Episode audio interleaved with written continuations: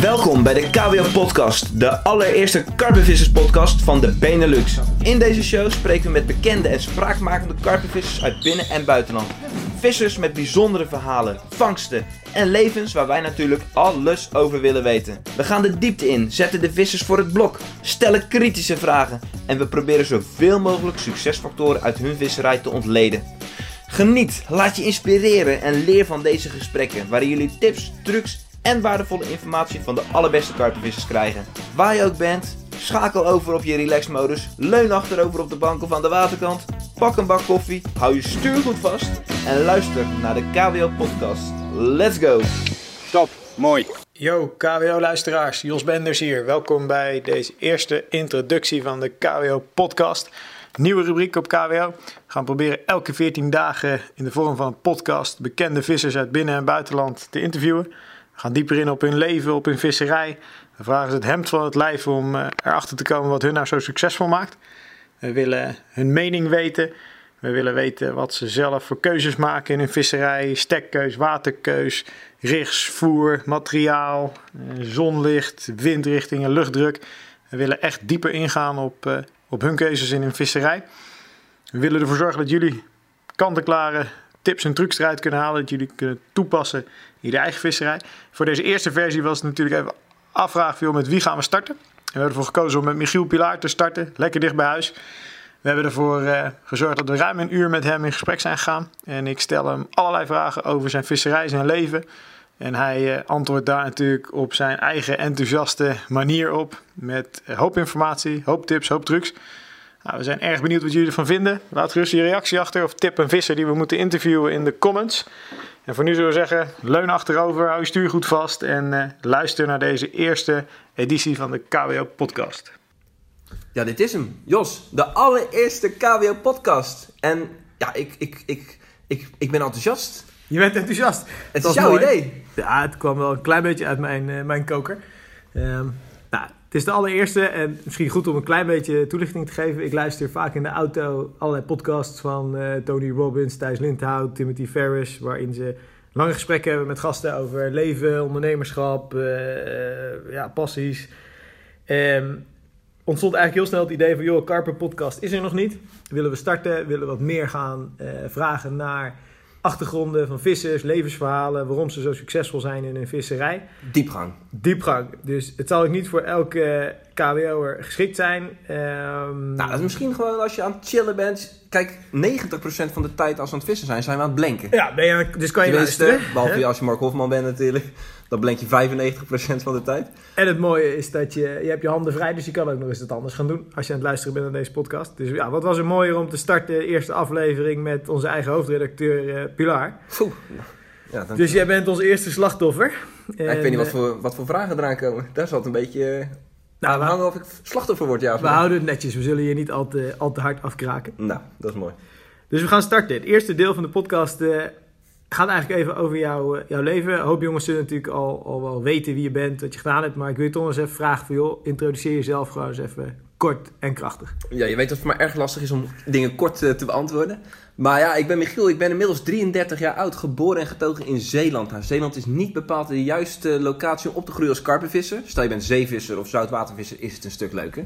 Aangezien we zeer beperkt zoutwater hadden, betekende dat als ik wilde karpenvissen, wat ik natuurlijk dolgraag wilde, dan was ik echt aangewezen op een paar slootjes. En die waren zo ondiep dat er eens in de acht jaar, zeg maar, vroor heel het bestand dood, omdat het dan alleen maar ijs was. En eh, dat zorgde er ook voor dat, doordat ze ondiep was, dat er succesvolle paai was. Waardoor er heel veel knolletjes eh, zwommen. Maar dat zorgde er dan ook wel weer voor dat ik heel erg veel vissen heb kunnen vangen. Ik denk dat ik vroeger, mijn eerste jaar dat ik karpen viste, dat ik ja, tussen de 150 en de 300, 400 karpjes per jaar ving. Dus dat is wel gewoon heel goed geweest voor mijn leercurve. Dus ik heb heel veel geleerd over eh, hoe vissen van A naar B trekken, signalen opvangen van draaiende vis, bewegende rietplukjes. En de eerste jaar heb ik ook alleen maar met een dobber eh, gevist. Nou goed, op de deur word je wat ouder en denk je, wil je wat grotere vissen vangen? Dus dan verliet ik de woonwijk, ging ik met mijn fietsie, of werd ik door mijn ouders gedropt op wateren wat, eh, wat verder weg. En dan ging ik vissen vangen, ja, bakken, van boven de 70 centimeter. Dus ja, dat is voor nu misschien ondenkbaar. Maar vroeger was een vis van 50, 60 centimeter voor mij echt een hele grote, grote vis. En eh, ja, zo maak je gewoon ontwikkeling door als karpenvisser. eh, waardoor je uiteindelijk zegt, joh, ik heb hier in Zeeland alles gehad. Ik ga zo in Brabant kijken. En voor mij was het zoiets van, ja, oké, Brabant is leuk. Maar ja, wat is nou nog mooier? Dat is Frankrijk. Dus ja, vanaf het moment dat ik 18 was, en ik ben begonnen op ne- 8, 9 jaar qua vissen, dus ik had 10 jaar in Zeeland eh, gevist, dan ben ik gewoon zo vaak mogelijk eh, naar het buitenland eh, gegaan, omdat het bij ons ook gewoon helemaal ruk is. En die eerste keer Frankrijk, hè, we hadden het daar vanmiddag even over. Hoe anders was dat ten opzichte van, van wat je nu doet? Hoe, hoe je planning, je voorbereiding eruit ziet? Nou ja, kijk, mijn eerste keer Frankrijk was eh, samen met mijn vismaatje Laus. Hij had hele avontuurlijke ouders die zeiden, joh, als jullie het leuk vinden, flikkeren we gewoon in een bos af. En dan zoek je het maar uit heel de week. Dus dat hebben ze toen ook gedaan. Waarschijnlijk dachten ze, ja, prachtig zijn we er vanaf. Maar we hebben toen op uh, Lac de Monampieu gevist. Een openbaar water waar je nog steeds eh, gewoon uh, nachtvishzon hebt. Echt uh, ja, relaxed zijn in Noord-Frankrijk. En toen hebben we gewoon vijf dagen lang op dezelfde stek gezeten. Hadden we zo'n groot, ja, zo'n soort tent van de Lidl, zeg maar, hadden we mee. En toen waren we nog geen, geen 18. Maar goed, dat was echt van ja, we hadden toen op, ja, via via gehoord dat daar karper zou moeten zwemmen. En tegenwoordig is het natuurlijk veel anders. Je, je, je hoeft Facebook nog maar open te slaan en je kan natuurlijk allerlei betaalwater boeken. En ik, toen ik 18 was, had ik de, vrij snel mijn rijbewijs gehaald en toen ben ik met Edwin gaan vissen. En Edwin Otte, EO, om een idee te geven, we, we, ja, we wisten niet waar we naartoe moeten. Dus er was een, ooit een keer een film gemaakt door Rini Groothuis op een Frans water, een merencomplex. En we dachten, ja goed, als Rini Groothuis daar naartoe is gegaan, dan zal er wel uh, grote vis zwemmen. Dus we hadden opgezocht uh, waar het was. En toen had je dus nog, ja, eigenlijk niet echt internet, dus dat zocht je dan op in een atlas. Had je wel een navigatiesysteem? Nee, ook niet. Dus zeg maar, we hadden een Frans stratenboek hadden we mee. En uh, mijn vader had dan gezegd, ja oké, okay, als je daar naartoe wil, dan moet je eerst uh, Brussel, dan moet je Metz, of nee, Luxemburg, dan Metz. En van daaruit uh, moet je richting Sardenburg. Maar ja, dan denk je, ja, oké, okay, ja goed, maar welke afslag moet ik dan hebben richting het, richting het lak? Dus ja, we zijn toen ook, de eerste keer dat we dus naar dat merengebied gingen, toen zijn we uiteindelijk verkeerd gereden. Hebben echt, ik denk dat we dan zeg maar 200 kilometer de verkeerde kant op gereden waren. Maar goed, Tegenwoordig is het natuurlijk allemaal zoveel makkelijker. Je weet van tevoren al bijna, ja, kun je in Google Maps aangeven van daar wil ik naartoe. En vervolgens stuurt gewoon, de, je telefoon stuurt je er gewoon heen, zeg maar. Dus die tijden ja, zijn zoveel veranderd. Het is nu zoveel makkelijker uh, om te pionieren. Tenminste, om zeg maar in Frankrijk te vissen. Alleen al door het feit dat je op je telefoon in kan zoomen. En dat je dan kan kijken, ah, dit is een ondiepe baai. Ja, vroeger had je geen idee. Je zag op je atlas wel een blauwe vlek. En dan denk je, nou, gaan we er maar eens kijken. En dan kon je pas zien. En dan, godverdik me, het water is uh, drie meter diep. En uh, geen vis te bekennen in het vroege voorjaar. Nou, dan stond je in Frankrijk en dan, dan kon je weer ergens anders naartoe. Kon je verder. Hey, en, en even terug, hè. je gaat natuurlijk als een trein, dat zijn we van je gewend. Maar ik wil echt terug naar deel 1 van de podcast, is, is toch even jouw leven. Oh, sorry. Uh, even buiten de visserij. Ik weet vanuit het grijs verleden uh, dat je ook een succesvolle atletiek carrière hebt gehad. Ah, gaan we daar dus daar, Ja, niet te lang, maar ik wil wel even benieuwd, zeg maar, was karpenvissen altijd al jouw, jouw nummer 1? Of, of deed je er ook nog wat naast? En hoe, hoe ben je godsnaam aangestoken met dat virus als je daar tussen de mosselboten woont? Ik bedoel, wat, wat, wat Nou, heeft jou dat karpenvissen bijgebracht? Kijk, ik woonde met mijn ouders en mijn broer en mijn zus. Woonde ik in een, uh, aan, een, ja, aan een water. En ik zag dan die vissen zwemmen. Het was wel heel troebel, maar dan wilde ik die vissen vangen natuurlijk. Dus dat heeft gewoon... Niemand in mijn familie vist. Hè? Ik ben de enige die, die zeg maar vist. En we hadden ook niet echt een, een hengelsportzaak. Ja, alleen voor de zee. Dus ik viste met zeehengels op uh, karper.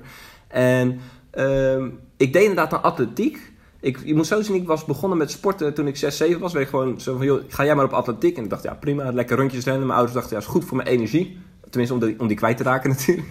En uh, dus ik ging, op, ik ging op atletiek en ik vond het super leuk. En ik was er ook best wel goed in. En dat mag je natuurlijk nooit zeggen van jezelf. Maar binnen onze vereniging had ik wel echt zeg maar van, van hardlopen tot verspringen tot het uh, gooien met een uh, speer. Had ik wel echt de records op mijn naam staan. En ook nationaal deed ik goed mee. Alleen het was altijd kloten. Want nationaal gezien met nationale kampioenschappen was ik altijd zo'n vijfde, zesde. Dat je denkt, ja, je bent best wel goed. Maar je bent ook eigenlijk gewoon net niet dat je... Ik mocht nooit eens naar het uh, podium. En Zeeuws kampioen ben ik denk ik 6, 7 jaar op rij geweest. Uh, met de meerkamp heet dat dan. Dus dat is sprinten, lange afstand lopen. En dan of verspringen, hoogspringen of kogelstoten, discus werpen. En dat heb ik heel lang met plezier gedaan. Maar op den duur werd ik 13, 14. Toen dacht ik, ja, ja ga ik twee keer in de week trainen? Of ga ik gewoon door de week vissen en ga ik op zaterdag wedstrijd doen? Dat ik helemaal naar, naar Dordrecht moet? Of ga ik gewoon lekker vissen? Dus toen heb ik eigenlijk het atletiek laten vallen. Mede omdat ik zoiets had van ja, hier ga ik toch uh, niet de aller, aller top van Nederland bereiken. Want daarvoor, ik, ik moet zo zien, ik deed het acht jaar. Mm. En ik draaide al acht jaar lang nationaal mee. Maar ik was gewoon net niet goed genoeg. Maar wie is dan degene die jou aangestoken heeft met dat visvirus? Als je familie ja, dat niemand. Niemand. Maar er moet een moment zijn geweest dat jij dacht van... Ja, maar ik, ik zag die vissen zwemmen en ik dacht, ja, die, die, die, die vissen, die, die, die- ja, die, die wil ik vangen. Dus de jager in jou, die... Ja, dat is echt duizend procent. En toen dat ik ging vissen, eh, dan merk je dat er natuurlijk meer mensen in, in je omgeving ook wel een beetje vissen. En eigenlijk samen hebben we een soort, met die buurjongetjes, hebben een alliantie gevormd. Waarbij we zeiden, ja, al die karpers hier van 30, 40 centimeter gaan wij gewoon uit die sloten hakken. En dat is wat we toen zijn gaan doen. Gewoon iedere dag na school met de dobbers, eh, met één hengel. Hè. Tegenwoordig zit iedereen met vier hengels eh, op park 5 te vissen. Wij vissen gewoon één hengel, vonden we meer dan genoeg. Maar goed, ik denk ook als je met één hengel vist, dat je dan alles uit die hengel haalt. Dat je gewoon zegt, ah, hier potverdikke me, hier moet het mee gebeuren. En hier gaat het mee gebeuren. Maar dat was allemaal op zich nog destijds. Dus of dobbertje of Ja. korsten, nog niks met vaste Nee, montages, nee, bodem. Hoe heet het? eh, we deden wel eens op bodem vissen, maar dan deden we vier van die grote loodhagels deden we bij elkaar op die lijn knijpen. En dan een, een, een- gewoon een, geen eens een onderlijn, maar gewoon je, je lijn doorknopen, haken aan. En dan visten we met mais. Maar wat wel bijzonder is, wij hebben dus het vissen eigenlijk vanaf nul moeten leren zonder hulp. Dus we wisten ook, omdat er alleen maar haakmaat 2 en haakmaat 4 in de hengelsportschap eh, was bij ons voor, voor karper in Zeeland. Visten wij dus met haakmaat 2 op vissen van 40 centimeter. Ja, je hebt me ook wel eens verteld hoe je toen je, je, je bol als, als rig, hoe, hoe deed je dat? Daar was er iets, ook een mooie... De- ja, de eerste keer, dat, de eerste keer dat ik met boilies ging vissen, toen deed ik dus mijn boilies... Ik had nog nooit van de her gehoord en ik zag alleen die boilies liggen. Ik dacht, ja, die zijn wel een beetje hard.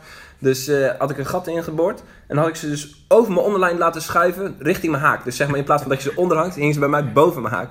Maar goed, dat is, tegenwoordig is dat niet denkbaar, hè? Dat je dus zo weinig informatie... Zo start. Nee. Nee. nee, dat klopt. Maar ja, het is wel heel leuk. En ik heb dus heel veel trial and error gedaan. Dus iets proberen, eh, dat werkt niet en dat werkt wel. En ik denk dat het wel heel goed is geweest voor mijn ontwikkeling als visser, zeg maar. Geloof ik. En, en je middelbare schoolperiode, we gaan zo meteen dieper in op je visserij hoor, maar even om een complete beeld bij jou als persoon te krijgen. Ehm, wat heb je gedaan? Middelbare school, vervolgopleidingen, hoe, hoe, wat Nou, heb je ik, eh, uitgesproken? ik, wat ik uitgesproken, ik heb vooral heel veel. Nou, ik denk wel dat ik een soort concentratieprobleem had in mijn jeugd. Je gelooft het niet. dus je moet zo zien, als ik dan thuis zat, dacht ik, ja, wat ga ik doen? Ga ik huiswerk maken? Nou, het antwoord was direct nee natuurlijk. Ja. Of ga ik vissen? En dan was nou, laat ik maar gaan vissen of voetballen. Ik vond ook gewoon lekker sporten en zo met de, met de buurt.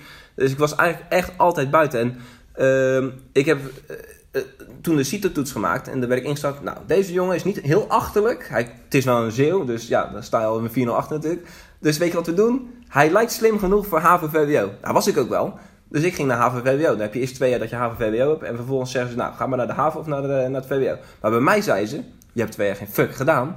Je gaat wel lekker naar de MAVO. Dus ik dacht, oh, nou ja, wat kan mij het rotten, joh.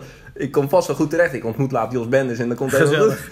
En eh, dus ik patsboom naar de, naar de MAVO. Nou, dat eh, gewoon echt met drie vingers in mijn neus eh, doorheen gefietst en alleen maar gevist. En Want dat diploma heb je gewoon gehaald, toch? ja, ja. Oké. wel En daarna? iets- wat, nou, wat gebeurde daarna? Ik had zwemdiploma gehaald.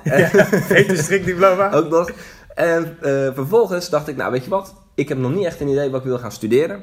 Ik ga de HAVO doen. Dus toen heb ik, eh, dan kun je twee jaar HAVO erachteraan. Dus uiteindelijk heb ik dan HAVO gedaan, eh, zes jaar over mijn middelbare school gedaan. En op zich eh hele leuke tijd gehad. Ook, zeg maar, toen ook dat ik bewust werd van, joh, het leven is pas mooi als je met vrienden ook samen, zeg maar, een...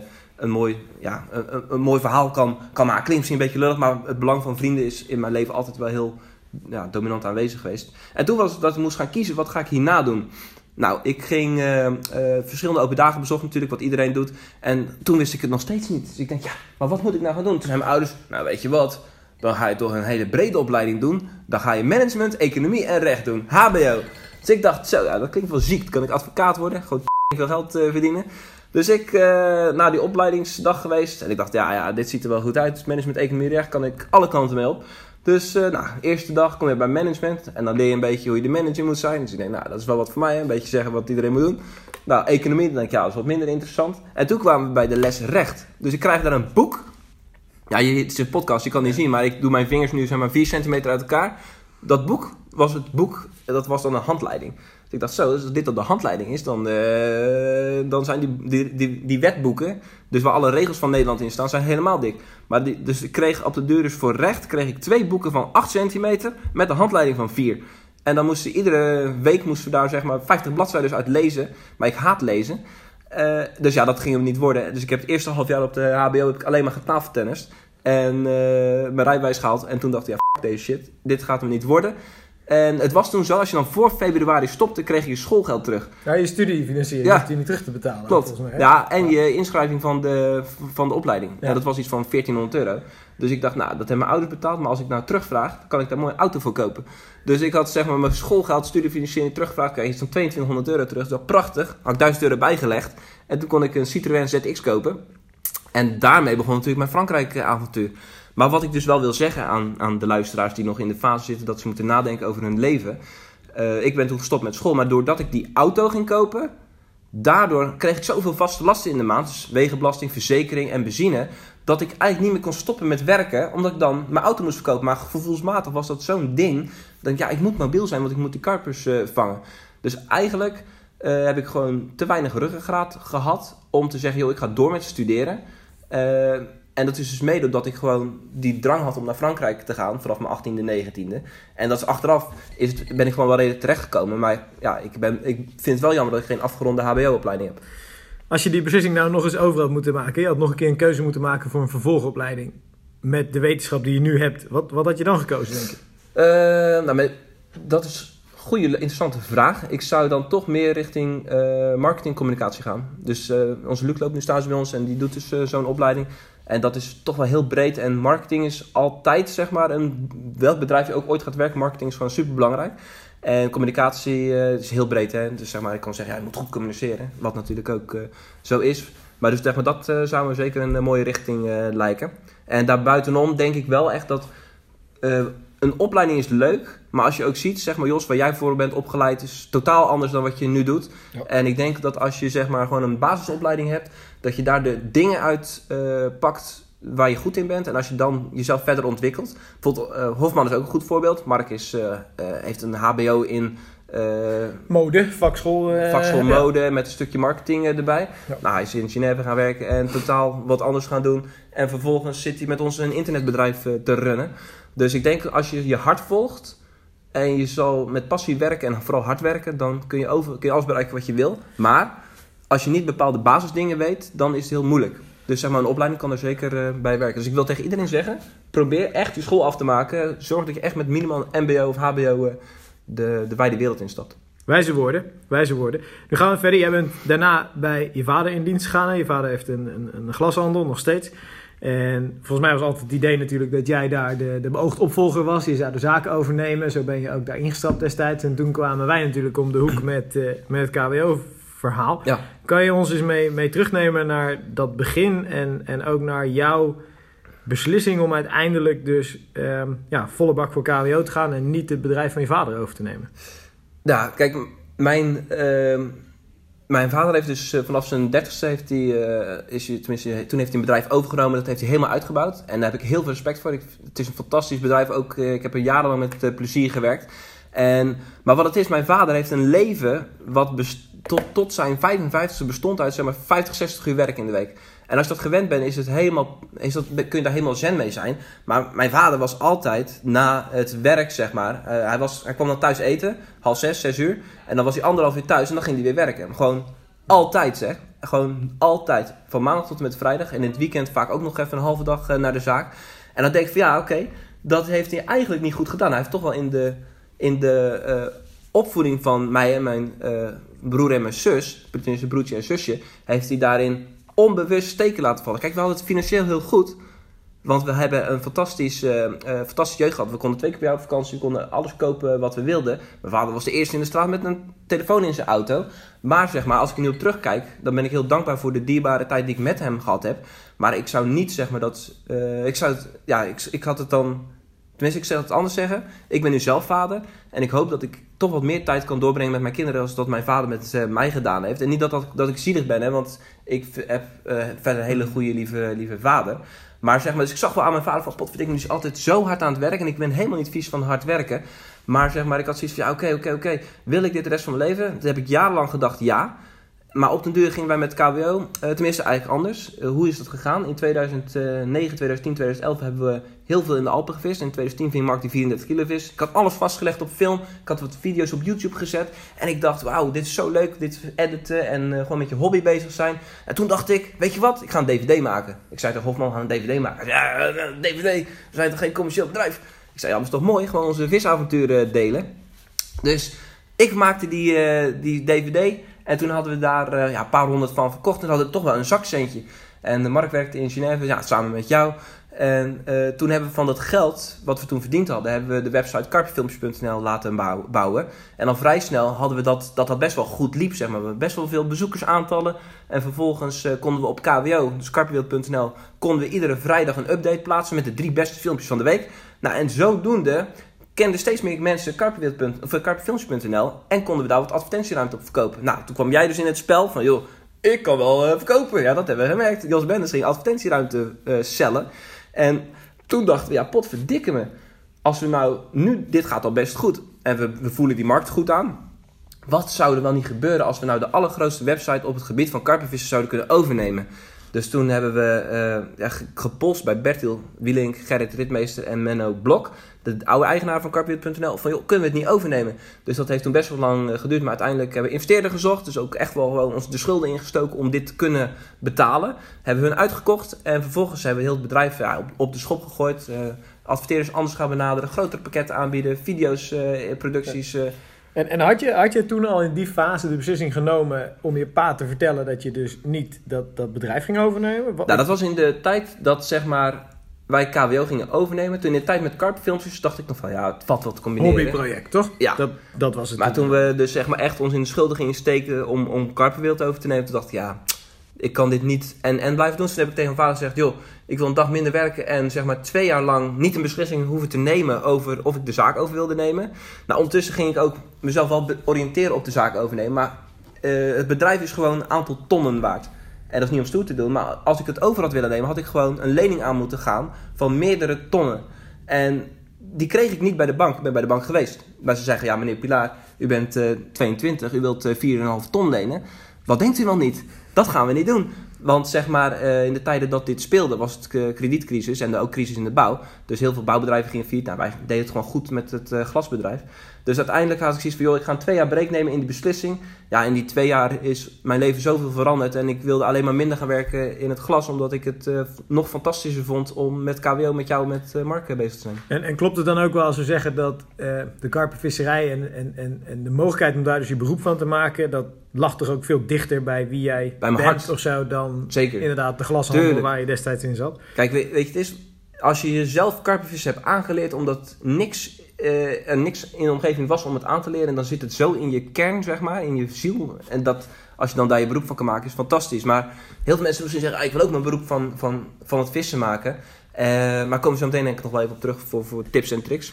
Maar in ieder geval, het was eh, wel de allermoeilijkste gesprek uit mijn leven, was dat ik mijn vader moest gaan vertellen dat ik het bedrijf niet over ging nemen. Kijk, maar voor mijn vader was het ook een droom van ja, dan blijft het in de familie.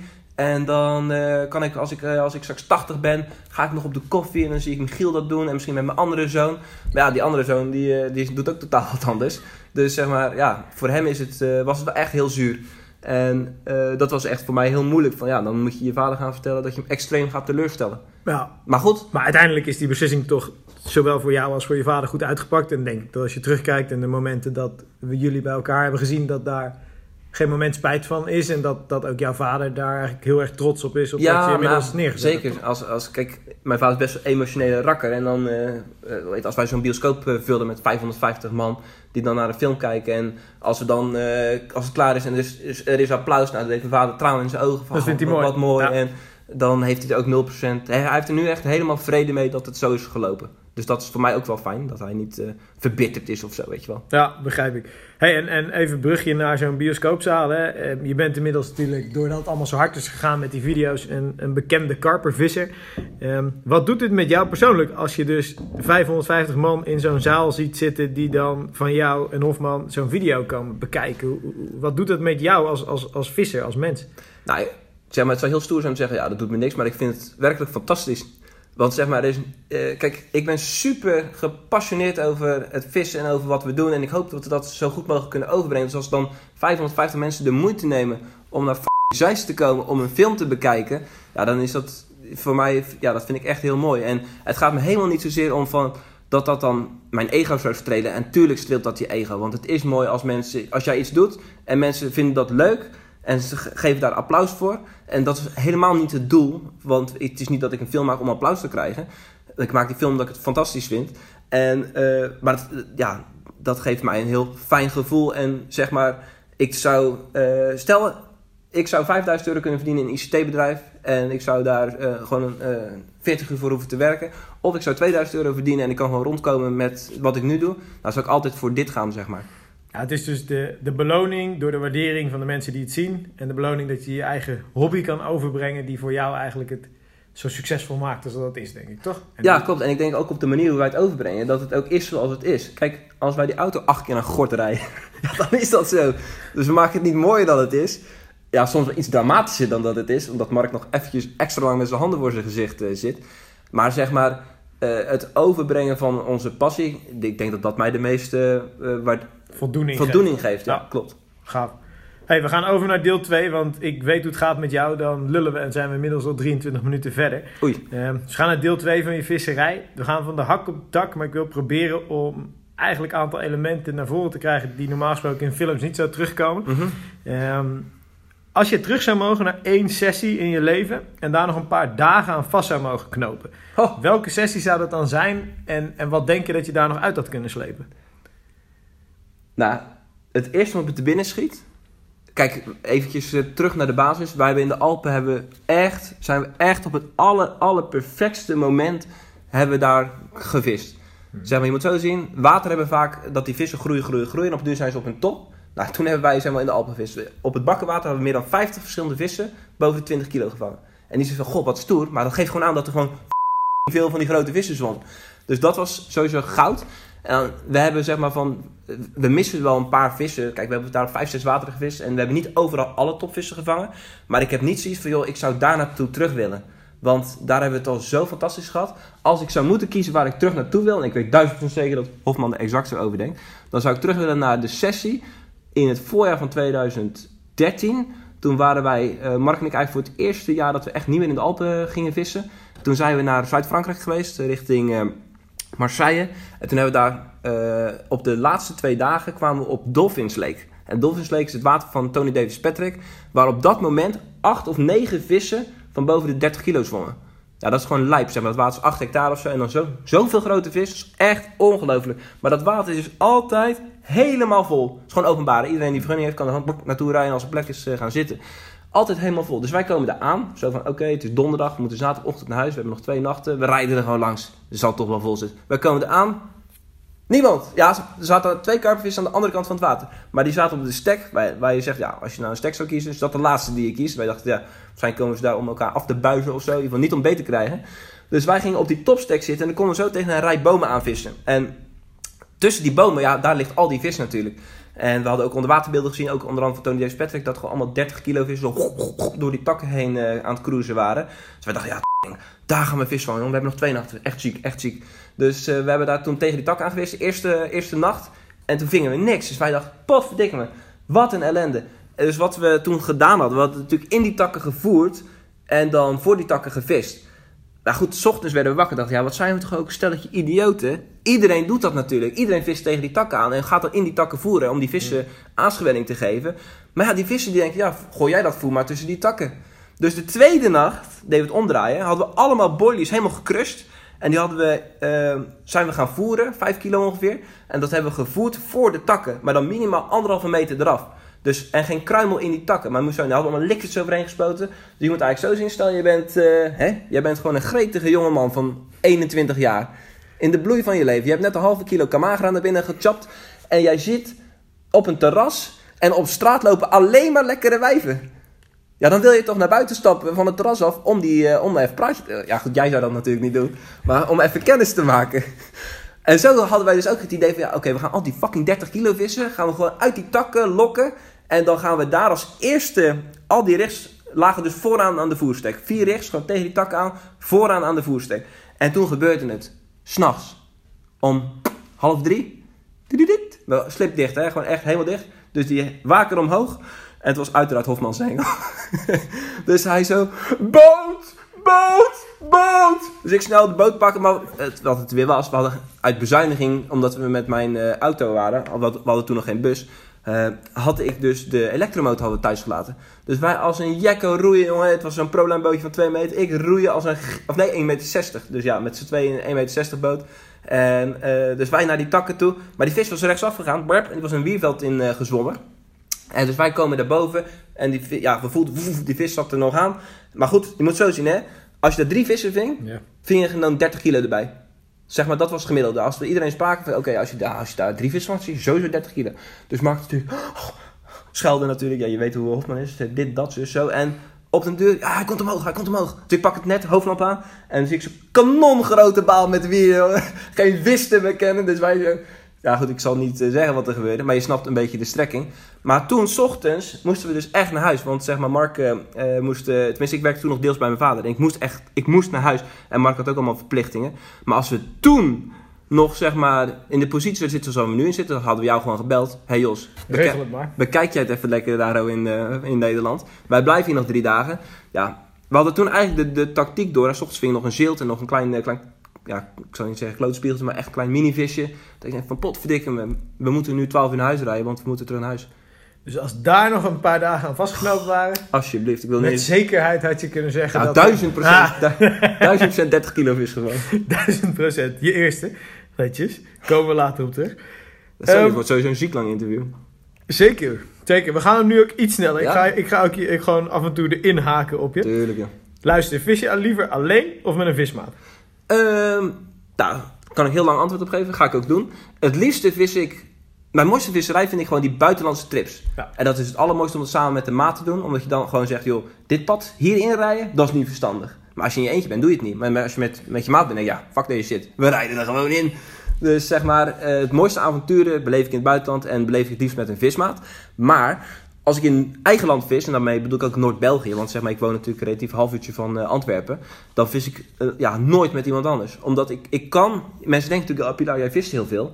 Maar ik had afgelopen jaar, 2017, ben ik zes keer wezen vissen voor mezelf. Zonder camera's, dat ik gewoon kon vissen.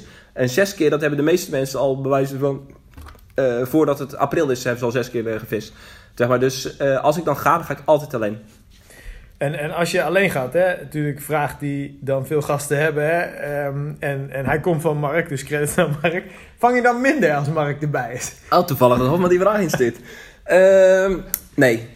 Ik ben natuurlijk zo'n ongelooflijk goede visser. Als ik zonder markt vis, dan gaat het als een, als een raket. Nou, wat het is, kijk, als ik, in, eh, als ik in binnenland vis, als ik ga vissen, en ik ga niet zoveel vissen, maar dan doe ik het altijd heel goed voorbereiden. Dus dan ga ik inderdaad twee dagen voeren. Dan zorg ik dat ik voor mijn werk... eh, kijk, als ik bijvoorbeeld weet, ah, ik moet... eh, op donderdag moet ik naar eh, Antwerpen toe om daar bij een viswinkel te staan. Nou, dan zorg ik dat ik daar woensdag al een keer naartoe ga. Dat ik alvast een beetje voer. Dat ik dan donderdag, als ik dan bij die viswinkel klaar ben, dan ga ik nog een keertje voeren. En dan ga ik vrijdag of zaterdagnacht ga ik vissen. Dus als ik in mijn eentje ga, dan ben ik extreem gebrand om dan eh, die weinige tijd die ik alleen kan zonder camera's en allemaal gezeik om te filmen, dat ik dan ook echt succesvol vis.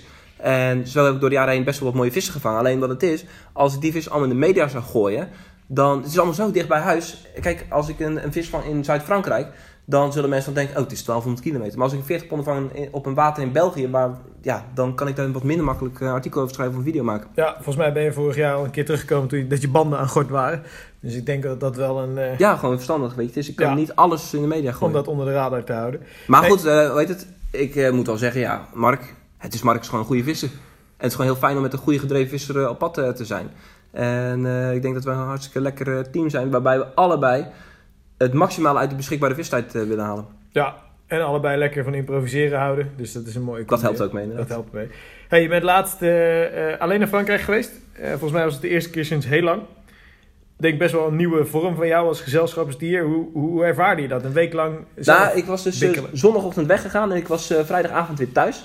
En ik had gedacht, oeh, dat wordt wel taai, omdat ik eh, inderdaad wat je zegt, ik, ik hou gewoon van lekker kletsen en, ja, je gelooft het niet, maar ik hou van lekker kletsen. Eh, maar dat ging eigenlijk, vond ik het fantastisch. En dat gaat niet zozeer omdat Hofman er niet bij is. Ja, grote rol speelt het wel natuurlijk. Nee, maar meer omdat je helemaal echt scheid hebt. Je kan echt alleen maar doen wat je zelf wil. En dat was wel heerlijk, dat je zegt, joh, deze shit, ik ga nu eh, hier voeren en dan ga ik morgen vissen. Dus zeg maar, het, het viel me reuze mee, omdat, omdat je gewoon toch heel de dag bezig bent. En er komt waarschijnlijk hiervan een, een community video. Hè? Dus we gaan niet alles al, eh, al loslaten hierover. Maar verwacht je in 2018 dat er nog een keer zo'n trip gaat komen? Eh, nou, Mark zit sowieso tot aan de zomer. eh, is hij, dat hij heel veel al ingepland heeft. Dus zeg maar, dus een gezamenlijke trip eh, van echt bijvoorbeeld 10 dagen zit er niet in. Ik, ga, ik wil eigenlijk proberen in Nederland een paar grote vissen te vangen. Dat is mijn doel voor eh, dit voorjaar.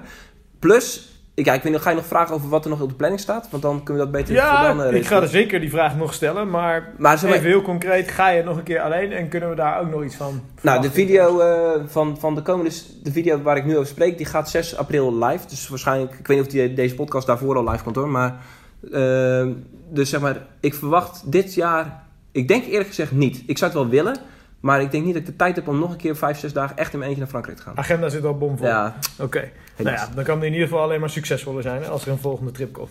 Ach, gaan we zo beginnen? Ja, klopt. Het was niet een super succesvolle trip. Maar hey, het was ook min 10 s'nachts en zo, hè. Dus dan eh, mag het ook wel. Jouw kennen het zal ongetwijfeld weer een feest worden om ernaar te kijken.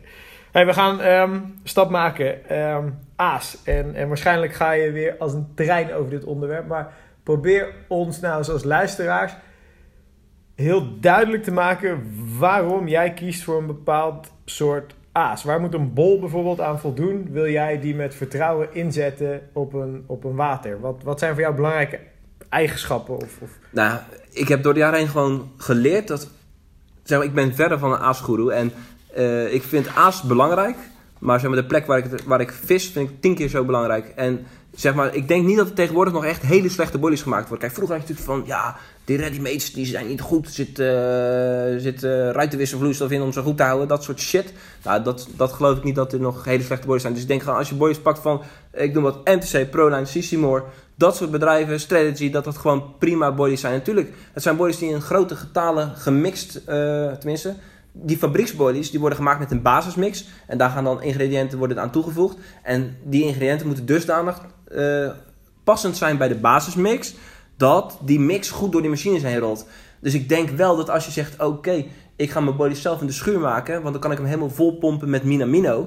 Dan denk ik inderdaad dat je dan een nog grotere voorsprong hebt dan dat jij, eh, dan dat jij met bijvoorbeeld een kant-en-klare uit de fabriek. Dus ik denk wel, als je je aas zelf maakt, en dan kun je nou precies doen wat je wil. Dan vis je er efficiënter, tenminste, dan vis je er met nog meer vertrouwen mee.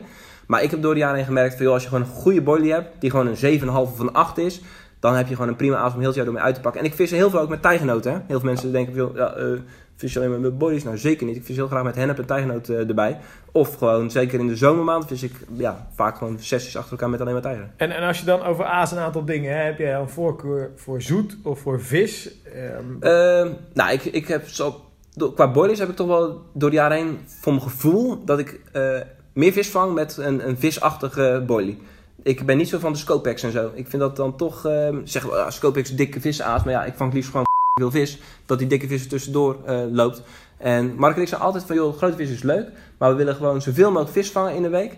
En eh, op het einde van de week maak ik vaak, vaak... Kijk, op het einde van zo'n week weten we vaak... in die regio, daar komt vis eh, vandaan. Dus wat we doen, gaan we daar wat compacter voeren.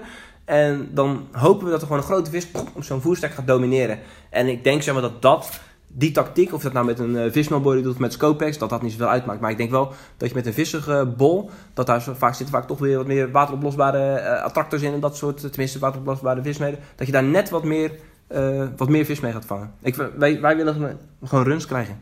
je wil gewoon actie. Tja. Je wil gewoon actie. Vol gas. Hey, en als je nou nog maar één aas zou mogen kiezen om mee te vissen, hè? Tijgenoten. echt ten opzichte van bollen? Eh, Dus één aas nog maar, de nou, rest van je leven. Nou, rest, van- kijk, weet je, het is, je hebt ook heel veel water, eh, zeker in de zomer, waar, waar als je dan een boilie gebruikt, dat het, het kreeft eh, geterroriseerd wordt. En eh, heel veel mensen denken, ja, dan doe je toch krimpkoosje rond.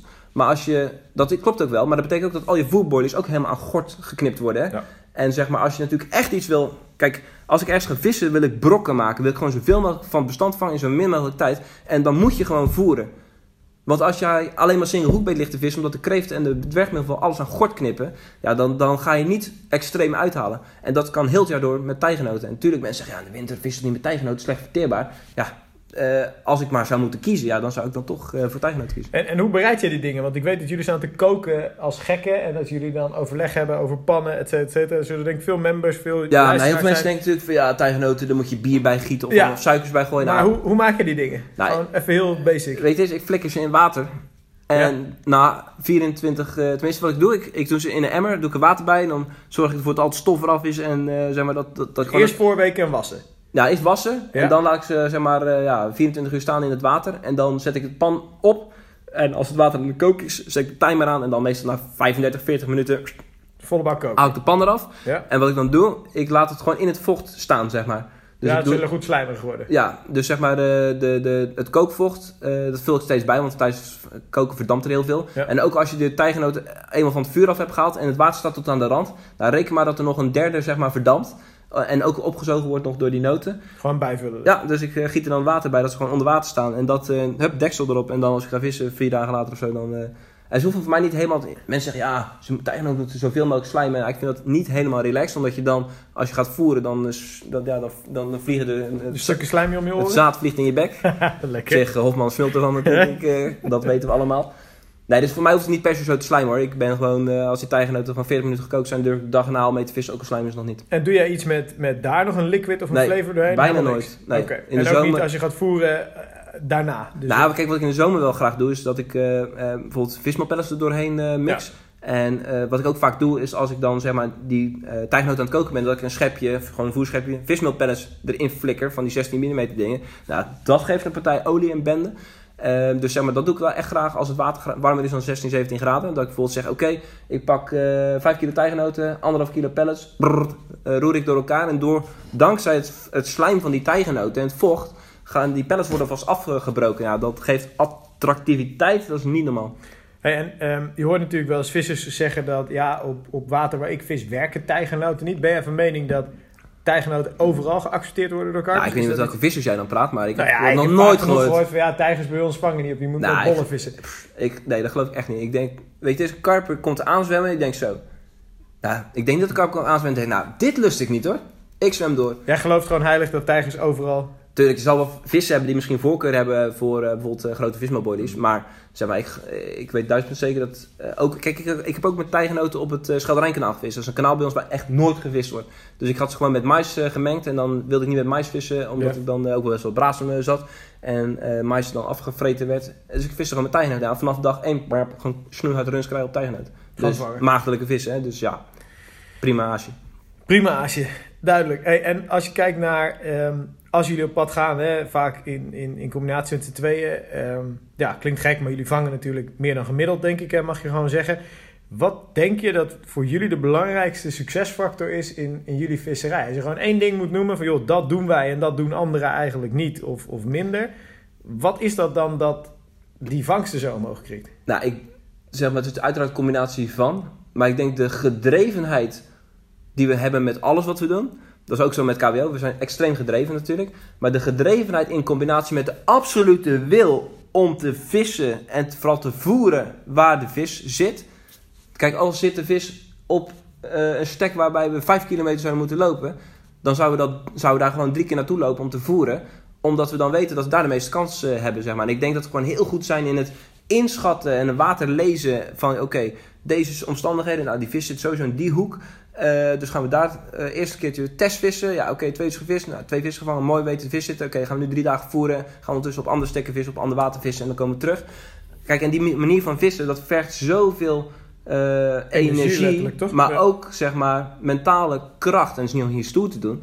Maar als jij een vismaat bij hebt die houdt van drie maaltijden per dag op dezelfde tijden. Ja, dat, we- vaak ontbijten wij pas om eh, half twaalf, omdat we dan pas eh, voor het eerst bij McDonald's zijn. Zeg In die visserij is het gewoon niet te realiseren om die regelmaat erin te brengen natuurlijk. Nee, klopt. Kijk, en wat het is, kijk, we gaan best wel vaak naar Frankrijk. Maar het is niet zo dat we nu minder fanatiek zijn. Nee. Dus we willen gewoon zeggen, oké, we gaan nu, eh, we gaan nu op zaterdag rijden.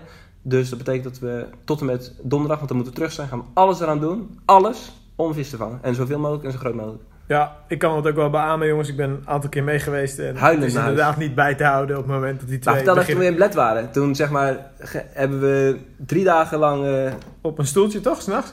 nee, ja, maar goed, de eerste dagen ging je nog mee. Dan gingen we gewoon telkens om, eh, zeg maar, vijf uur uit ons nest. Ja. Maar dag vier dacht jij van, ja, oké jongens, ik eh, kom wel om half Het is goed geweest. Ik, ik ben de bezorger. En uiteindelijk hebben we daar inderdaad, zijn we wat, wat, wat stiekem in donkerlangen door gaan vissen en stiekem eerder begonnen. En dan denk je, ja, kan wel naar huis gaan. Maar ja, dan eh, moeten we alles weer opruimen. Dus weet je wat, we blijven wel. Maar we hadden geen stretches, niks. Dus toen zaten we daar op stoeltjes met een dekentje over ons heen. We hadden geen slaapzak erbij. Ja, en dan haakt Jos Benders haakt af. Ja. Eigenlijk wel ergens wel. Dus op dat gebied is dat doorzettingsvermogen denk je toch wel een van de succesfactoren Ja. waar, eh, waardoor jullie meer vis vangen dan gemiddeld. Kijk, en natuurlijk, eh, waar we dus heel het, heel het jaar door mee bezig zijn, is het vergaren van... eh, kijk, ik ben heel de dag, nou niet heel de dag, ik doe ook nog gewoon werken. Maar ik heb iedere week wel een keer dat ik met Mark overleg... Ah, weet je, dat water heb je daar nog eens aan gedacht? Dat water heb je daar nog wat van gehoord? Ehm, dus zeg maar, het is niet zo dat we zomaar ergens heen rijden qua vis. Kijk, Nee, er zit een hele voorbereiding ja, klopt. Kijk, het is, we zijn nu twee keer op, eh, of nee, drie keer op Lac du Der geweest. Nog nooit een videofragment van, van de buiten gebracht. Maar eh, we weten nu wel waar we moeten zijn. Eh, we hebben wat vissers gesproken die daar succesvol zijn geweest. Dus de beste kans... Kijk, als ik nu zou zeggen, moeten zeggen... Ik wil, eh, zit erover na te denken om van het najaar naar Lac du Der te gaan. Wat ik dus inderdaad aan het doen ben. Dan zou ik... Ja, dan, dan zeg maar... Ik heb nu al een heel mapje op mijn computer... waarbij ik dan dit, dit, dit allemaal bijhoud. Dat weet, als ik dan ga... Dan moet ik het ongeveer zo en zo doen. En als ik daar ben, ga ik met Mark kijken... Oké, kunnen we dat inderdaad volgens die strategie zo doen? En dan is de kans dat je succesvol bent gewoon best wel groot. Dus dat maximale uit je visserij halen zit hem ook in die voorbereiding. Dat Ja, is ja, denk ik wel duidelijk. Alright, we gaan verder. We moeten tempo maken. Ehm, denk wel een, eh, een, een, een vraag die je eerlijk moet gaan beantwoorden. Wat is het meest illegale wat je ooit gedaan hebt om een vis te vangen? Ehm, nou, ik heb ooit een keer ben ik bij eh Walibi eh, België ben ik naar binnen gegaan met scopes in een eh voedraal voor een, voor een statief, zeg maar. En toen hebben we daar gevist op zo'n vakantie. Ja, tenminste, het was nog Ha- Halloween. Ik was met Wesley. En dus ja, het was echt eigenlijk schandalig. Dus je moet zo zien, het was Halloween, dus iedereen was verkleed. En wij waren gewoon als camouflage boys, zeg maar. En we hadden dus zo'n koker op onze rug, waar dus onze hengels in zaten. En toen zijn we dus het vakantiepark binnen gegaan om daar eh, te vissen. Maar Walibi, Nee, een pretpark of een eh, vakantiepark? Ik zeg vakantiepark, ik bedoel pretpark inderdaad. ja, dus pretpark Ja. zijn jullie, hebben een entreekaartje gekocht, Ja. zijn naar binnen gegaan. Nog 22 euro betaald per persoon. En hebben we daar En, gevist. hebben jullie wat gevangen? Ja, dat geloof je niet. Dat geloof je niet. Maar die vissen, die worden dus heel de dag door bijgevoerd. Ja. En Wesley wist precies waar dat die vissen werden bijgevoerd. Hij zei, ja, Piel. Ik was daar vorige week met mijn kinders. En wat denk je? Karpers happen, jongen, naar broodkosten. Dus we hadden dus een, een rugtas vol met brood. Ja. Dus ik jank hier heel die rugzak leeg. in- Tenminste, de helft van die rugzak leeg in dat water. En wij gaan er zo zitten op een bankje. Nou, hengeltjes eh, bijna klaar om, eh, om uit te klappen. Ja, en geen vis te zien aan heel die fucking oppervlakte niet. Ja, op een of andere manier, die vissen die denken gewoon, ja, wij worden alleen maar overdag gevoerd. En kijk, dat park was nog nooit, nooit s'avonds open. Eh vakantie, of, eh, Dus dat die vis lag ergens te chillen op ja, de bodem. Ja, en die lag eh, veel bekijkbaar. Dus wij stonden daar met onze scopies eh, af te sterven daar in november. Mooi verhaal. Mooi verhaal. Wat is je favoriete Pilar en Hofman film en waarom? Eh, ja, de, de meest prachtige film qua... Kijk, dat is natuurlijk ook een emotie die je erbij hebt als je hem maakt. Ja. Ik vind Piranha in Turkije vind ik wel echt... Ja, gewoon fantastisch. En ik, ik zei nog laatst nog tegen Mark, als we daar... Als we daar toch een drone hadden gehad... Ja, dat had echt te lijp voor woorden geweest. Dat water is zo ongelooflijk mooi. Dat 's ochtends die zon bam over die bergen heen komt. En dan eh, sfeer, eh, mist, mooie kleuren. En dan van die zieke sch schubkarpers vangen van eh, ja, tussen de 18 en de 22 jaar. Ja, dat was echt fantastisch. Dus Pilar en Hofman in Turkije, eh, een, een klassieker, maar wel nog steeds eh, jouw was favoriet. het, hoor. Kijk, wat is je favoriete visbestemming? Eh, ja, dat is de twee. We hebben natuurlijk het eh, bakkenwater in de Alpen. Vind ik fantastisch. Heb ik, daar, daar heb ik een hele mooie herinnering aan. Maar qua allround visbestemming, ja, dat is toch, toch eh, meer van Bled. Brad. Ja, dat Hoe vaak is ben je nu op Bled geweest? vier keer. En volgens mij staat er ook alweer iets op de planning, hè? Ja, prachtig. Ik eh, ga met Ossie eh, gaan we ergens eind juni gaan we een leuke video maken. Ossie is natuurlijk betaalwaterbonker eerste klas. Zo van, oké, ik ga naar Frankrijk. Pas bij, zeg maar, mijn gedachte nummer 20 denk ik aan, eh betaal, of, eh, aan openbaar water. Dus ik zei tegen Ossie, Ossie, wat denk je ervan, eh, Martin? Zullen we eens even een uh, sessietje gaan vissen waarbij we de helft van de tijd op betaalwater gaan vissen? Jouw visserij. En dan de helft van de tijd gewoon ADHD, hit en run, aanvoeren, afromen visserij. Hij zei, ja maar Piel, dat lijkt me fantastisch. Dus dat gaan we doen. Eerst vier dagen betaalwater en dan vier dagen openbaar. En dan denk ik wel dat we misschien wel weer op bled uitkomen.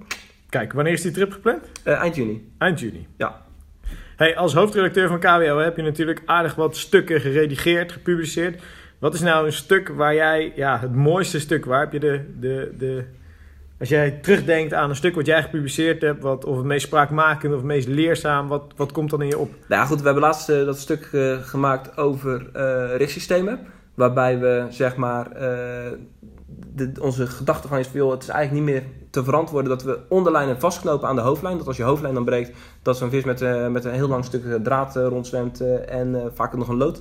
Dus zeg maar, dat vind ik heel mooi dat we dat gedaan hebben. Want Dat was jouw video over visveilige systemen, ja, toch? klopt. Dat, is, zeg maar, dat is iets wat mijzelf dan, eh, eh, wat ik dan heel mooi vind. Ja, en verder eh, hebben we eh, qua, qua eh, bijvoorbeeld het artikel wat, we, wat Jordi bedacht had, de video waarbij we in het zwembad zijn gaan met waadpakken. Ja. Dat, dat soort dingen vind ik eh, leuk. Ehm, ja, verder hebben we natuurlijk ook van auteurs hele mooie stukken eh, gehad. Dus van Peter Vlasveld tot eh, Giovanni van Horen, weet je wel, gewoon echt mooie, mooie stukken. En dat vind ik ook leuk. Kijk, en ik denk wel dat mensen steeds meer, meer en meer neigen naar video. Dat, eh, dat het lezen van heel lange artikelen, dat dat meer in boekvorm, zeg maar, dat dat niet echt super de toekomst heeft. En ja, kijk, qua video's vind ik bijvoorbeeld Carl en Alex vind ik echt fantastisch. Wat die eh, op zulke jonge leeftijd al maken. En ook onze eigen Luc Zomerhuis, het is ongelooflijk. Die jongen die is eh, 17 jaar, maar die maakt video's als een of andere pro van, ja, die al 20 jaar... eh, Daar kan je ook van genieten als over Ja, ja, zeker. Vind ik echt heel mooi. Wat is het meest bizarre dat je ooit aan de waterkant hebt meegemaakt? Ja, nou goed, eh, op een stoeltje ablets eh, slapen en dan eh, eh, een 50 pond vangen was, was heel erg mooi. Maar goed, dat is natuurlijk niet extreem bizar. Ja, we hebben zoveel fantastische dingen meegemaakt. We zijn een keer, ja, we zijn natuurlijk hond- 180 keer bestolen aan de waterkant. Ja. Dus zeg maar, iPhones in parken. iPhones in parken, eh Mars uitsleutels. Ja, nou, dat was sowieso wel goud. Dat Mars uitsleutels gejat werden op, eh, in Parijs. Maar achteraf ook zo ongelooflijk dom van ons. We gingen daar dus slapen. Waarbij we dus dachten, ja, we worden echt niet bestolen. Want we liggen op onze stretchers hier. Dus gaat toch niet onder die stretcher kijken. Maar ja, kijk, zo'n zo'n zo'n dief. Normaal gesproken loopt hij in een drukke winkelstraat. Waar 80.000 mensen rondom heen lopen. Loopt hij je portemonnee uit iemand zijn jas te halen. Dus ja, nu komt diezelfde dief. Ik zal niet zeggen dat het een buitenlander is. Maar die loopt dan eh, over die kade. En die ziet dan twee van die idioten op een stretcher liggen te slapen. Ja, die denkt dan natuurlijk, ik ga eens even kijken wat er in dat tasje zit. eh, wat onder die stretcher staat. Want dat is het film Stuk in Paris, hè? Ja, Waarin klopt, dat, klopt, eh, klopt. dat jullie dus met de auto vastzaten Ja, in een ja. parkeergarage. Die auto, weet je, die auto was gejat. En die auto stond drie verdiepingen omlaag in een parkeergarage. Dus wij dachten, oh, dat is niet helemaal relaxed. Dus ik nog achter die, achter die medemens aangerend. Maar ja, ik liep op mijn blote voet en hij op sneakers. Dus hij glipte zo de ghetto in. Dus ik dacht, oké, dat gaat niet worden. Dus wij naar eh, Danielle gebeld, een vriendin van, van eh, Hofman. Yo, kun je even die eh, sleutel opsturen? Dus zeg maar, dat heeft ze toen gedaan. Maar ja, dat duurde weer een dag langer, omdat hij weer ergens douane, weet ik veel wat. Dus er kwam die sleutel eenmaal in Parijs aan. En dan denk je natuurlijk, prachtig, naar huis. Dus wij de parkeergarage in, klik, auto open, oké, dat werkt allemaal. Dus wij flikkeren die spullen erin, willen die auto starten. Wat denk je? Hoop maar. Doet hij het niet? Was die sleutel niet geactiveerd? Ja, ja dan, dan wil je echt, ja, zeker Hofman, die, die wilde echt dat stuur losrukken en gewoon alles naar de kloot slaan.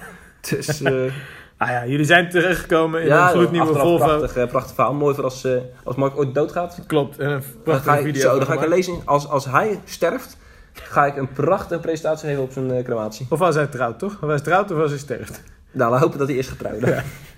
Dat zou mooi zijn. We vragen zelf feestje. Feestje. Zo, daar ben ik wel weer naartoe trouwens.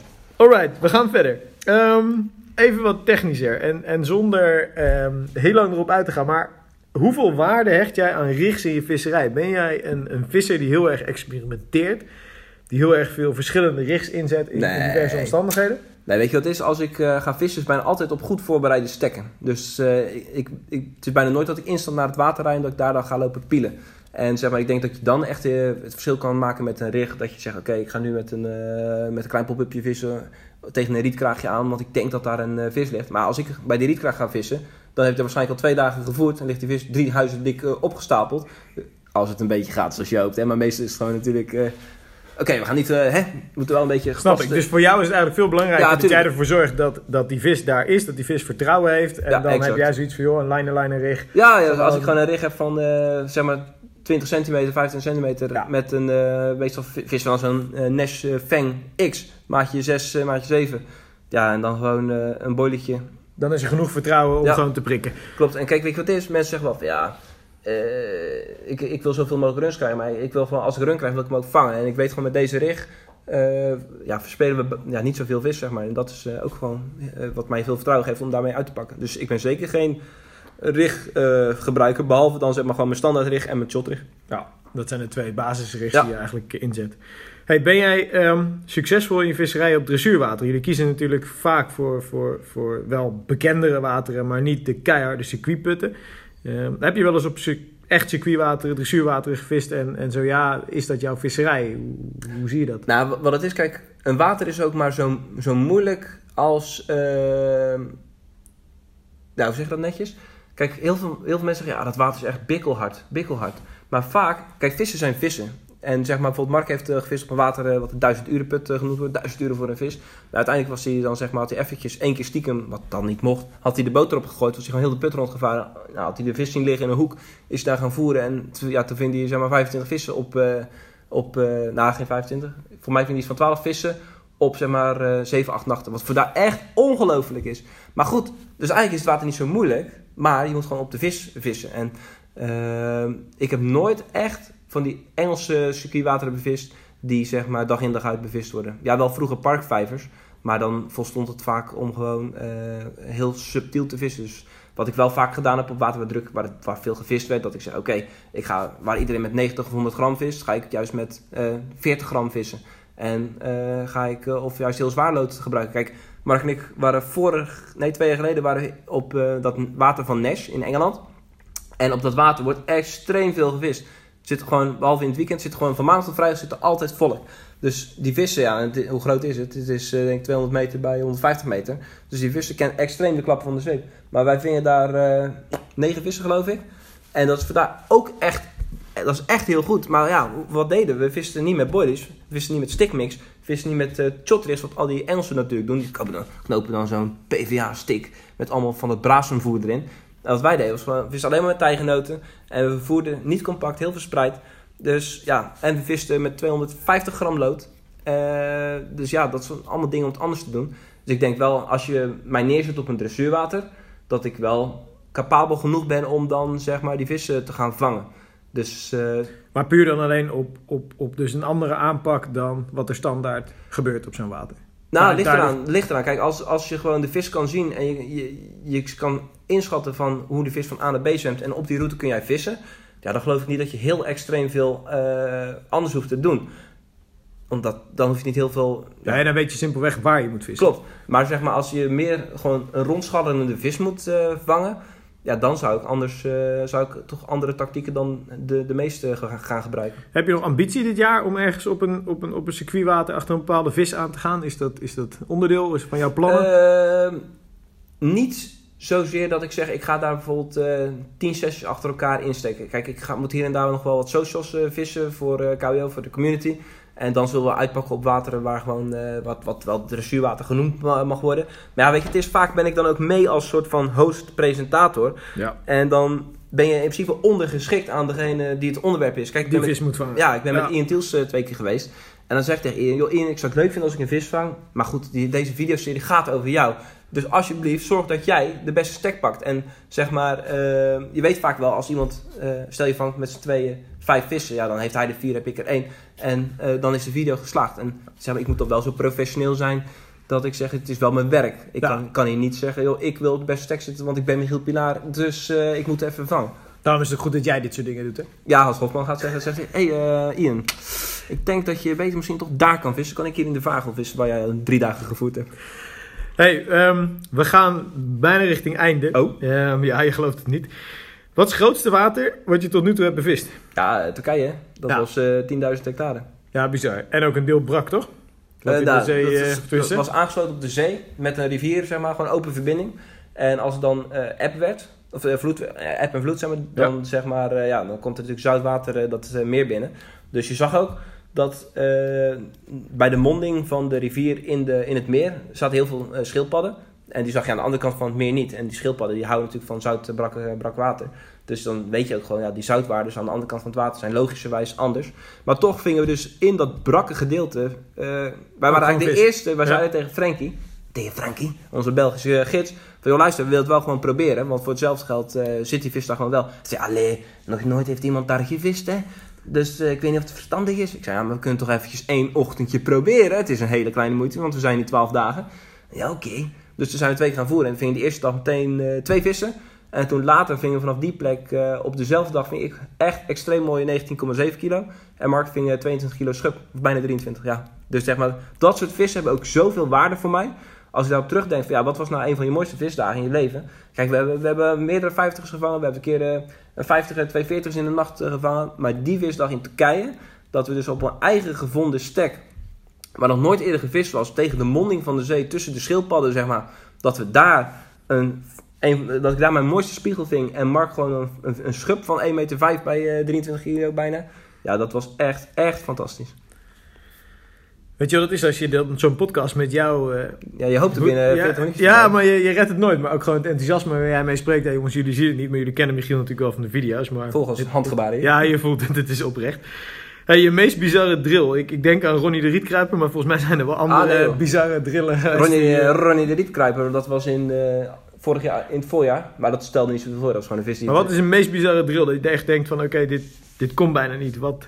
Nou, ik heb één keer een uur en drie kwartier met Mark gedrild vanuit een boot. Toen had Mark eh, slopen eraan.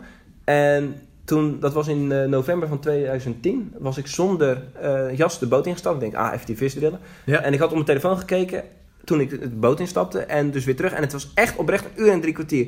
Die vis, die is zo ongelooflijk sterk. Eh, dus dat was wel de meest bizarre deel van ons samen. En ik heb in de Alpen, kijk, je moet zo zien. Op een water van 2 meter kan een vis wel even aanzetten om krachtig te zijn.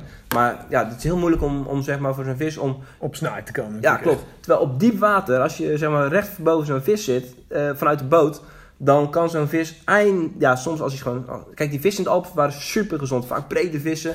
Eh, en het water heeft gewoon heel veel zuurstof, omdat het diep is. Heel veel waterplanten en zo, sowieso gewoon heel gezond water. Wat dan vaak ook in verbinding staat met een riviertje. Waardoor die vissen extreem sterk zijn. En de, eh, wij hebben natuurlijk veel gevist vanuit die speelgoedbootjes, die SGB's. En daarmee kun je heel, heel weinig kracht zetten. Mhm. Omdat zo'n bootje, dat weegt niks, weet je wel. Je vliegt zo van links naar rechts. En dat zorgt er wel voor dat die drills langer waren... dan dat je vanuit bijvoorbeeld een vortex van 3 meter zou, eh, zou drillen. Dus we hebben daar wel meerdere drills gehad van eh, meer dan een uur. Maar die, maar die vis, die sloper, die was toen net geen 24 kilo. Ja, dat was echt extreem. Gewoon... Uur en drie kwartier. Ja, echt. Maar goed, weet je, het is... Soms zeggen mensen wel eens, ja, ik heb een uur gedrild. En ik, dan denk ik natuurlijk altijd, ja, je bent niet goed. Ja. Je bent een, je bent een, eh, je bent een, een jokkenbrok. En ja, goed, dus ik kan me heel goed voorstellen dat mensen denken van, ja, Pilar, een uur en drie kwartier, je lult. Maar je moet, nou, maar, het is echt waar. Het is zeg maar. echt, het was Ja. echt een uur en drie kwartier dat je echt, hebt. echt eh, ongelooflijk. Die vis die bleef maar op de bodem. En dan was die, had Mark hem bijvoorbeeld op half water. en boep, boep, boep, boep, en dan hoor je die slip zo. bzzzt, Die top in het water. En dan, ja, die vis kwam gewoon niet van de bodem af. We zullen het in de podcast met Mark zullen we het eens even controleren. Dan weten we of het echt een uur en drie kwartier was. Klopt. Nou, die jongen die heeft het, hoe zeg je dat? Het, Op zijn netvlies staan. het geheugen van een, eh, Van een zeef. van een garnaal die, die al tijd lang geen eten gehad heeft. Dus, We, dus we zijn benieuwd. Hey, in welk onderdeel van je visserij heb je het afgelopen jaar stappen gemaakt en wat heeft dat je opgeleverd? Je ziet natuurlijk een hoop, je leest een hoop, je spreekt allerlei mensen, maar wat is nou een, een, een onderdeel van je visserij waar je eigenlijk tot nu toe nog geen aandacht aan hebt besteed of, of te weinig of nog niet zo, waar je nu echt van zegt van nou dat, dat Nou, het zijn- is heel droevig, maar zeg maar, afgelopen jaar heb ik dus vier keer in het buitenland gevist. En Ja. zeg maar zes keer privé. Eh, en eh, zeg maar eh, zes keer een, een, een, een social voor het werk. Dus ik heb veel te weinig gevist. Dus de enige kwaliteit die ik vorig jaar echt heb verbeterd, is het eh, filmen. En het editen, zeg maar. Ook belangrijk voor KWO. Maar heb je, je, hebt, je hebt niet een stuk of een, een, een, een bijdrage van een auteur waarvan je zegt van... hé, hey, daar stonden concrete dingen in die in mijn visserij de komende tijd een belangrijke nou, rol ik, gaan ik, spelen. ik of heb wel zeg maar eh, mezelf nog meer verdiept in het shot, eh, shotricht vissen. Ja. En dat heb ik eh, eh, vorig jaar ook niet zoveel gedaan. Omdat ik niet, in het voorjaar niet zoveel gevist. Omdat ik toen met mijn vader zwanger, heel de bende, je kent het wel. Nou, je kent het niet. Wees maar blij. En, en zeg maar, eh, eh, dus je zou kunnen zeggen, oké, ik heb me veel meer verdiept in shotricht vissen. En eh, efficiënt in het voorjaar, zeg maar, dat soort richts inzetten. Ja. Dat ik daar hoop wel dit voorjaar dan de vruchten van te gaan plukken. En Dus- heb je daar in die shotvisserij één concrete tip waarvan je Nou, zegt van... wat ik dus dit wel ga zeg maar. ga ik doen? eh, eh, kijk, het is als je pop-ups koopt in de winkel, is bijna altijd 15 mm. Bijna iedereen koopt 15 mm. En het verschil tussen 15 mm en een 12 mm, dat is zoveel zeg maar qua als je dat in je hand hebt. Je denkt natuurlijk, dat het is maar 3 mm, maar het is eh, bij wijze van de helft eh, zo klein, zeg maar, als je het zo eh, naast elkaar hebt. En ik heb best veel contact met Daryl Peck, die, heeft, die, die blogt natuurlijk voor de community. En hij zei al, Pilar, als je zeg maar watervis waar best wel wat gevist wordt, zeker als het heel het jaar door al gevist is, ga dan maar eens eh, vissen met 12 mm pop-up. En dan gewoon single hoekbeet of een beetje hennep erbij. Die vissen, die, die, ja, het is dan toch, kijk hoe kleiner de aas, vaak hoe sneller het even opgepikt wordt, Mhm. omdat het vertrouwd voelt. Eh, en Daryl zei echt van ja, 12 mm pop-ups, probeer het. Dus zeg maar, dat is dan een tip die ik zelf nog niet echt geprobeerd heb, maar die ik wel gekregen heb van ja, oké. Wat je wil toepassen in je klopt. Kijk, visserij. en een 12 mm, dat heeft nog genoeg drijfvermogen om een shotrig omhoog te pakken. Terwijl bijvoorbeeld een eh 10 mm is vaak te klein om dan een haak eh, zeg maar goed, Goed omhoog omhoog. te, kra- te kunnen liften. Oké, Jot Visserij, ik ben benieuwd. Laten we einde dit jaar nog een keer een podcast opnemen en dan wat, eh, wat dieper daarop ingaan. Wat voor doelen heb je voor jezelf in 2018 op visgebied? Oeh, visgebied. Eh, nou, ik wil dus eh, echt proberen dit jaar...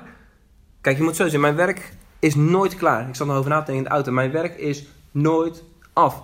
Ik heb altijd shit te doen. En het kan zijn dat eh adverteerders mailen, dat Jos Benders mailt, dat Hofman mailt.